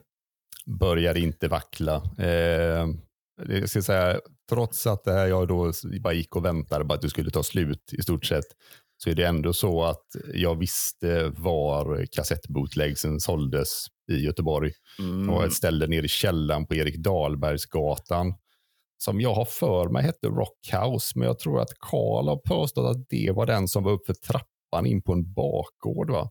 Ja, den låg du- på Smedjegatan eh, som sedan blev CD-specialisten där jag jobbade ett tag. Eh, Erik Dahlbergsgatan, det låg en i källaren rätt nära Landala torg, där, kapellplatsen. Mm. Var det den du tänker på? eller? Nej, jag tänker precis Nej, runt okej. hörnet vid Smyrnakyrkan. Ja. Var, det var den som hette Backstage, var de som hette, fast det var inte en källare. Jag. Ja, jag vet Ja. inte. Hur som helst, jag sprang ner dit antingen veckan efter eller två veckor senare och köpte en kassettbootleg på konserten. Och köpte sen också någon VHS-bootleg därifrån. Ingen aning vilken vinkel. Men jag eh, tog några fotostatkopior på min farsas jobb och pusslade ihop ett omslag där. Och ing- jag ska säga det, vi hade dessutom ingen video hemma. Så jag kunde inte spela den här jävla bootleggen jag hade köpt. Men jag skulle ändå ha bootleggen på den konserten.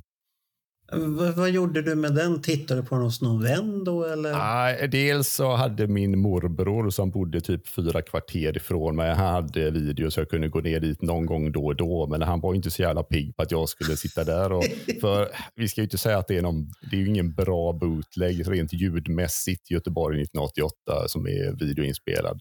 Den är ju bättre sen de synkade över ah, ljudbootleggen. Men han trodde jag var dum i huvudet när jag kom ner och ville se på detta. Lite halvskakigt sådär. Vad, vad är det här ens för någonting? Men, men såg ni de här klippen från TV Skandinavia då? Ja. Nightfly. Love Gun från Stockholm som visade intervjun de hade där och allt det här. Ja, jo, Det vi måste ni väl ha hade, sett? ja, ja, vi hade den kanalen.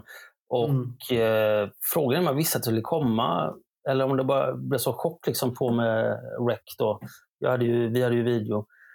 Eh, och den är ju klassiker idag. Och hela det Stockholmsgigget var ju tusen gånger bättre än Göteborgsgigget. Göteborgsgigget var ju verkligen en dag på jobbet. så. Eh, jag vet inte om det varför egentligen, om det var för att det inte var supermycket folk. Jag har hört så här publiksiffror mellan 3 och 5 och 4 och 5. Jag skulle nog gissa på 3 och 5, kanske 4. Tre- 3000 bara enligt DN. Okej. Eh, om det var därför, och det kan mycket väl vara, vara därför att de var trötta och sådär. Medan Stockholm var väl 7000 tror jag. Ja, det var, Eh, det, det var upp mot... Det var till och med mer då i Stockholm än vad det var på Animalize-svängen i Stockholm tror jag. Eh, konstigt nog. Och det var ju en arena de har varit i många gånger tidigare där i Stadion och Anneshov. Och de var på jättebra humör, vilket märks på den här intervjun innan. Liksom.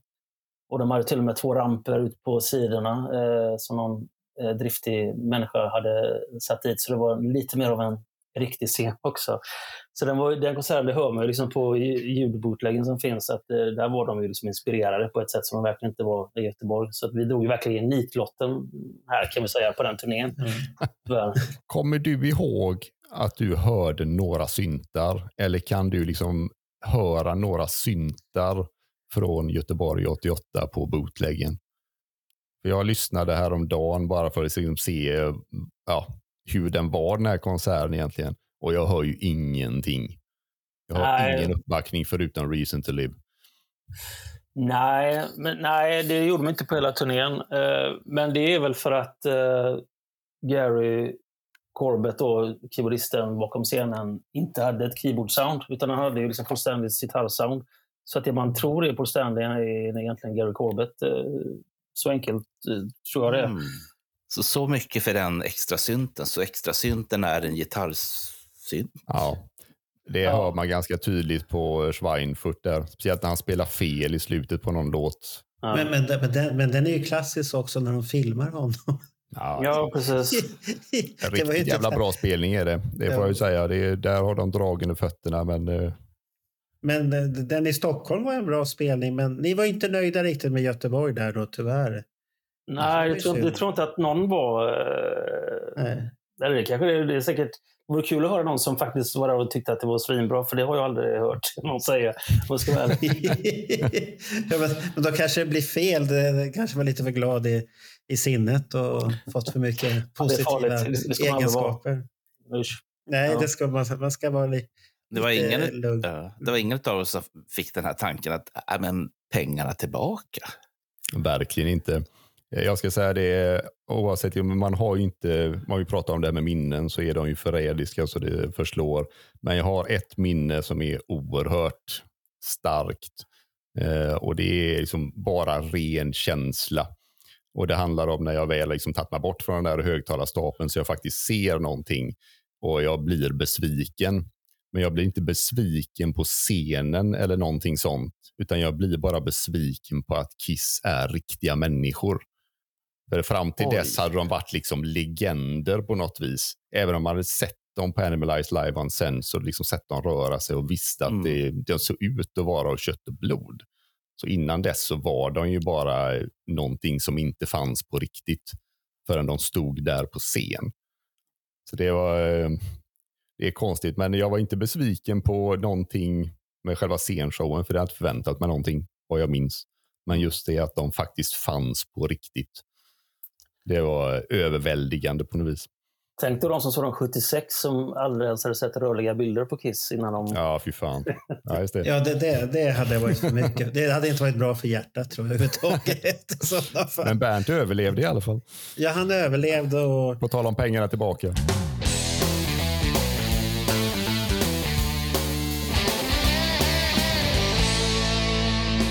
Men hur många konserter har det blivit med Kissen efter den här första? Då? Är ni sådana här värstingar båda två? Eller? Nej, det är, det är ju typ samma konsert. så att, eh, jag, jag, jag, jag skulle aldrig liksom åka runt på en turné och se samma konsert i olika städer. Sådär. Eh, nej, jag, jag, 22 konserter har jag sett räknar jag ut. Eh, så att det är ju inte liksom Det, någonting det, om man det, jämför med det, de det är ju rätt så blygsamt det. Jag Ja. trodde det var mot 40 i alla fall. Nej, men jag, liksom, jag, vi, alltså, jag och Alex åkte ju med i Skandinavien-svängen 96 och 99.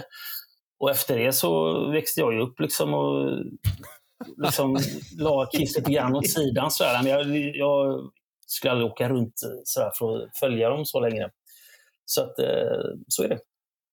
Vad, vad är det lä- längst bort du har varit och tittat på? Då? Eh, Donington 96, då, när det begav sig. Och sedan så har jag ju sett dem i modern tid då, i London eh, när jag varit där med jobbet och sådär. Eh, två gånger. Ja. Så att det är ju inget, det är inget så spektakulärt. Ja.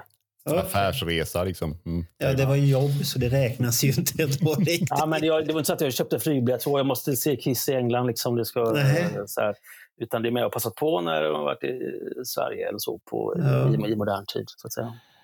Och Emil? Jag skulle vilja påstå att eh, när ni väl har gjort hela den här rundan sen eh, så kommer jag vara en av dem som har sett eh, minst Kiss-konserter. Jag är bara uppe i fyra. Är det bara fyra stycken? Fyra stycken. Jag såg dem 88, jag såg dem Göteborg 96 och sen båda kvällarna i Göteborg 99. Jag började ju samla bootleg ganska hårt när det blev digital kopiering där 2005 någonstans. Intresset dog ganska hårt runt 2009. För då tyckte jag att det är liksom Kiss som var ute och turnerade då. De var för långsamma, de var för tråkiga. Det var liksom, Pauls röst började ge sig, hade gjort det redan 2008. Så jag har inte haft något intresse av att se det helt enkelt. Jag kan tänka mig att titta på någonting på YouTube då och då för att se hur scenerna ser ut varje år. Men det finns ingenting där som drar. Som tur var så finns det ju 50 års historia som jag kan förkovra mig istället och dyka ner i. Eh, Ja, det- Stämskruvar det och allt det. annat. Ja. Men kommer det bli Dalhalla för någon av er? Nej, Inte, inget planerat i alla fall. Ja, du kommer vara där med andra ord. Okej. Men nej. Emil kommer inte vara där. jag kommer inte vara där. Jag har gjort min sista för eh, oerhört många år sedan redan. Ja, nej, men jag, jag, nej, men det känns väl bra att ta farväl Skandinavium eh, förra året. Så ju- jag tror jag sa det förra gången jag var med hos er också. att Man är så bekväm med dem. Mm. Då ska man liksom dra upp till Dalarna, man ska ha någonstans att bo. Och, eh. Så att, eh, ja, det, det verkar vara ett coolt ställe liksom ändå att se, se Kiss på. eh, Ja, det, det, det var väl det som drog mycket stället egentligen. Ja, det var nog så de tänkte också när de la dem där. Att, eh, Var, var ni sugna, någon av er, på New York här nu när de sista? Verkligen inte. Inte? nej. Vart ni avskräckta av priserna? Definitivt. Inte Nej. bara det. Eh, jag, om jag ska åka till New York så åker jag dit för New Yorks skull. Så kan vi säga. Eh, Ja, lite grann. Så jag skulle ju hellre åka till New York och eh, återigen gå upp i trappuppgången på Tennis 23rd Street än att eh, se en Kiss-konsert om jag- fick välja faktiskt. Mm. För jag, jag har ju sett de här Kiss-konserterna så mycket liksom, och jag visste det är kul liksom, men eh, både jag och Emil är ju sådana som vi gillar ju mer liksom eh, gräva i det, i det gamla och hitta nya grejer. Eh, Kiss av idag är ju exakt samma som Kiss eh, anno 2004 liksom. Eh, man har sett det en gång och sen har det inte hänt så mycket så det finns alltid, då är det mer intressant att hitta nya grejer i historien eh, som man kan upptäcka. Sådär. Men nu tror jag nog Dalhalla är det sista. För nu, nu, de, jag har fått en känsla av att Paul, han är trött på det här. Det känns så bara. Gene skulle nog kunna fortsätta till graven. Det är den, det är den känslan jag har. Jag är lite Ja. rädd för att när de väl slutar spela på scen så kommer Gene Simmons att dö. För liksom, då finns det inte den fasta punkten i hans tillvaro som tillåter honom att jobba samtidigt som man kan jobba med någonting annat. Eh, ja, Ja, det, det, det har du nog rätt i. Om Arbetsnarkomanen liksom. Ja, det, då, är, då är det ju livsfarligt. Han måste ju hitta på andra projekt och sånt här. Men, det har ju eh, sällan varit ett problem. Nej, inte för honom. För honom har det inte varit några problem överhuvudtaget. De, de får väl slänga in eh, Evan Stanley i så fall. Som, Nej, Ja. Kiss ska ta slut när Gino pålägger vanten. Det, ska, det var slut. Avatarer kan jag acceptera, men ingenting annat. Inga andra jävla fjompar som ska stå där med Kiss 2.0. Skulle ni acceptera det? Eh, nej, eller acceptera. Folk, men de, finns det de, något de får göra vad de vill och folk vill, får köpa biljetter Ja, på vad de vill. men Det finns- vet jag. Men finns det något intresse för det överhuvudtaget? Det finns det Om vi säger så här, jag slutade ju gå på konserter 1999. Så jag hade ju inte gått på Kiss 2.0, det kan vi Nej. säga. Om inte detta som vi ser just nu är Kiss typ 3.5. Ja. mm, Ja, ja, nu kom det riktig elaking där. Men men om, du skulle ni kunna tänka gå på så här avatarkonsert om man tänker ABBA-stuket fast i Kiss? Uppleva Alive? Jag kollar nog ABBA först i så fall. I, ingenting som lockar. Nej, nej. Varför? Tänk- När vi kan titta på Detroit 75 igen. Ja, Ja, men det är ju en känsla i en arena. Där står de och... Det, nej. där står de digitala avatarerna. Fan, vad, du kall, säger. vad, kalls, vad kallsinniga ni var. Nej, ingen, ingen känsla överhuvudtaget. Herre. Ja, Ber- Bernt, vad ska vi göra? Ska vi gå vidare till nästa årtionde här nu istället? Och lämna 88 och det osminkade här? ja, det, det låter ju som att det är besvikelsens konsert och bevi, besvikelsens... Nej, de, de, de, de tyckte nog att det var bra lite någonstans. eller? Ja, någonstans ja. Ja. Men jag, jag hör besvikelsen i alla fall. Den, den vuxna delen av Karl och Emil, de säger det. Mm, Ja, men det, Ah. finns ju, det finns ju positiva saker. Erik Karr var med. Sista osminkade. Vi fick höra låtar som vi nog aldrig kommer få höra nå- någon gång igen. Reason to live och sånt här live på scen. Mm. Bang bang you, no no no. Det kommer vi aldrig få höra på en Kiss-scen. Med smink i alla fall. Så att det finns ju positiva grejer. Det finns mycket positiva Absolut. grejer. Framförallt var ju det ett band som var eh, fruktansvärt bra. Och otroligt samspelta. Även om Göteborg då var en ganska tråkig spelning så spelade ju bandet bra. Paul Men lät man lite tråkig har jag märkt Ja. nu. Men Men vill man uppleva det här, äh, det här, den här turnén, då ska man ju se på Tokyo. Då. Den här Ja. klassiska 88. Den är riktigt bra. Den, den kan man kolla lite då och då på Youtube tycker jag. Den och Schweinfurt Lite- tycker jag så kan man hålla sig Ja. till det. Så att det, är bra spelningar. Mm. jag, har en, jag har en liten sån här favorit ifrån eh, en, eh, hette den här Tried Scandinavia, den här snutten. eh, Ja. Där man hade, ja tack. Och det är den biten när Eric Carr blir intervjuad samtidigt som han med sina bilhandskar plockar saketter och eh, pratar med sig själv i tredje person. Det är en fantastisk liten beskrivning. Den kan jag se många gånger som helst. Ja, men, vem var det som intervjuade dem där? Kristin Lindsjö. För de, de är ju rätt så hårda mot henne där. Och, undrar hur Nej, de har varit. Jo, men lite. De håller på att driva med henne. Och så, undrar vad de har sagt innan kameran sätter igång egentligen. Men de hade ju träffat henne många gånger innan va?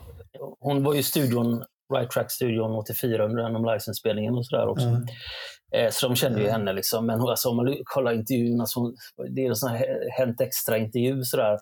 Ja, några Ja. barn, några giftermål, eh, och liksom, eh, sådär, vad ska ni göra efter det här? Och, ja, det var ju så på den tiden också. Liksom.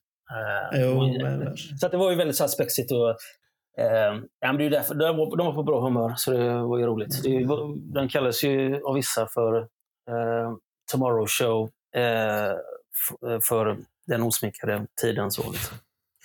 Oseriöst och härligt, får man säga. vad, hä- vad häftigt. Det är en perfekt Ja. avslutning. Oseriöst och härligt. Och härligt. Och så lämnar vi 88 och åker till 96.